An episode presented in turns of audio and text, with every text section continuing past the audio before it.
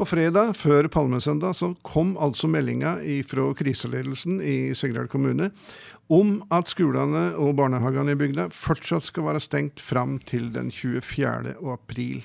Og det var før regjeringa har sagt noe om hva de kommer til å tilrå.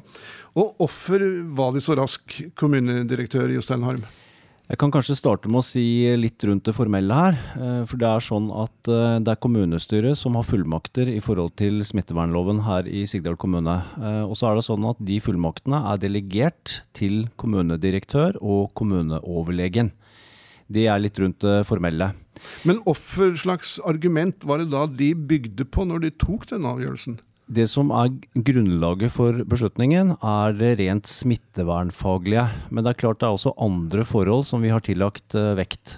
Dette er en uh, sektor med ganske mange ansatte som også befinner seg i risikosona. Uh, Sigdal kommune er per i dag uten smitte, og sånn ønsker vi å beholde det lengst mulig. Vi ser jo også at den digitale skolen fungerer veldig godt. Eh, og skolen har behov for å forberede seg på en situasjon hvor elever enten kommer helt eller delvis tilbake. Eh, og vi mangler retningslinjer i forhold til hvordan man skal håndtere f.eks. dette her med avstand. Eh, så det er rett og slett for å skape en større grad av forutsigbarhet. Nå vet både foreldre og elever og ansatte at vi beholder dagens digitale skole fram til minimum den 24. i fjerde. Men nå kommer det jo signal fra regjeringshold og også fra Helsedirektoratet som tyder på at det kan gå mot eh, litt eh, lettere restriksjoner.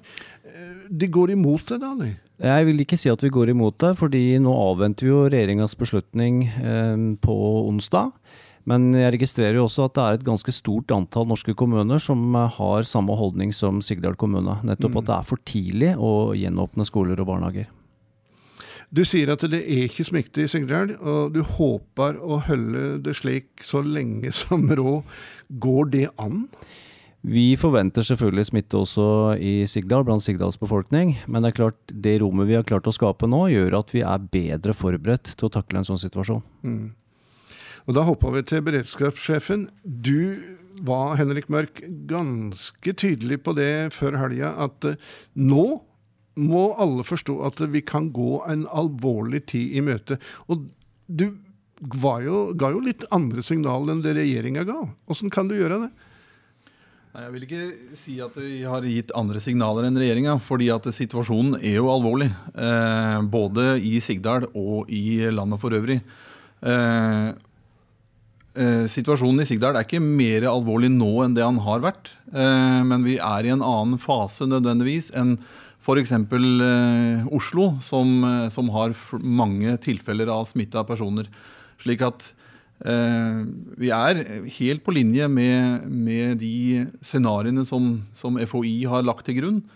Eh, men vi er altså i en noe annen fase enn en de sentrale strøka. Mm.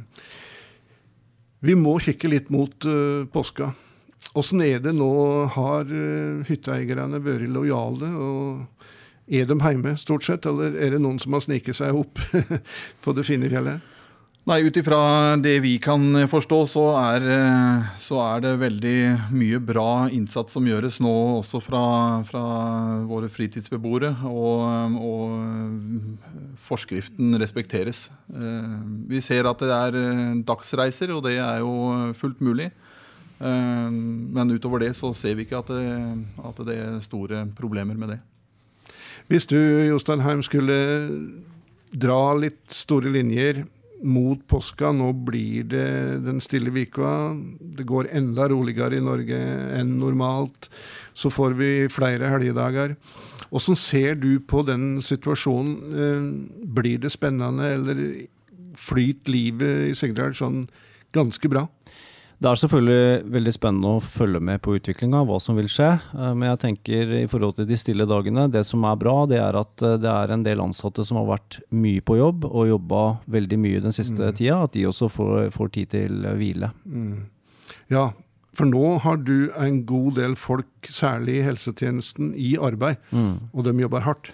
De jobber hardt, eh, og de jobber jo hardt selv om vi ikke har koronakrise også. Men det er klart det er en ekstra belastning, og ikke minst mentalt. Eh, det som vi står i nå, at vi ikke helt veit hva som kommer til å skje de mm. neste dagene og ukene framover.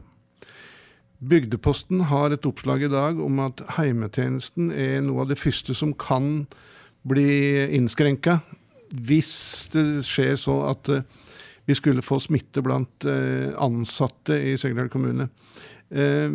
Hvordan ser du på det?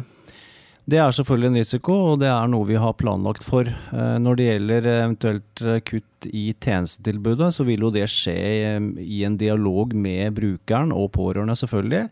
Og så er det sånn at vi vil ivareta de grunnleggende behovene. Mm.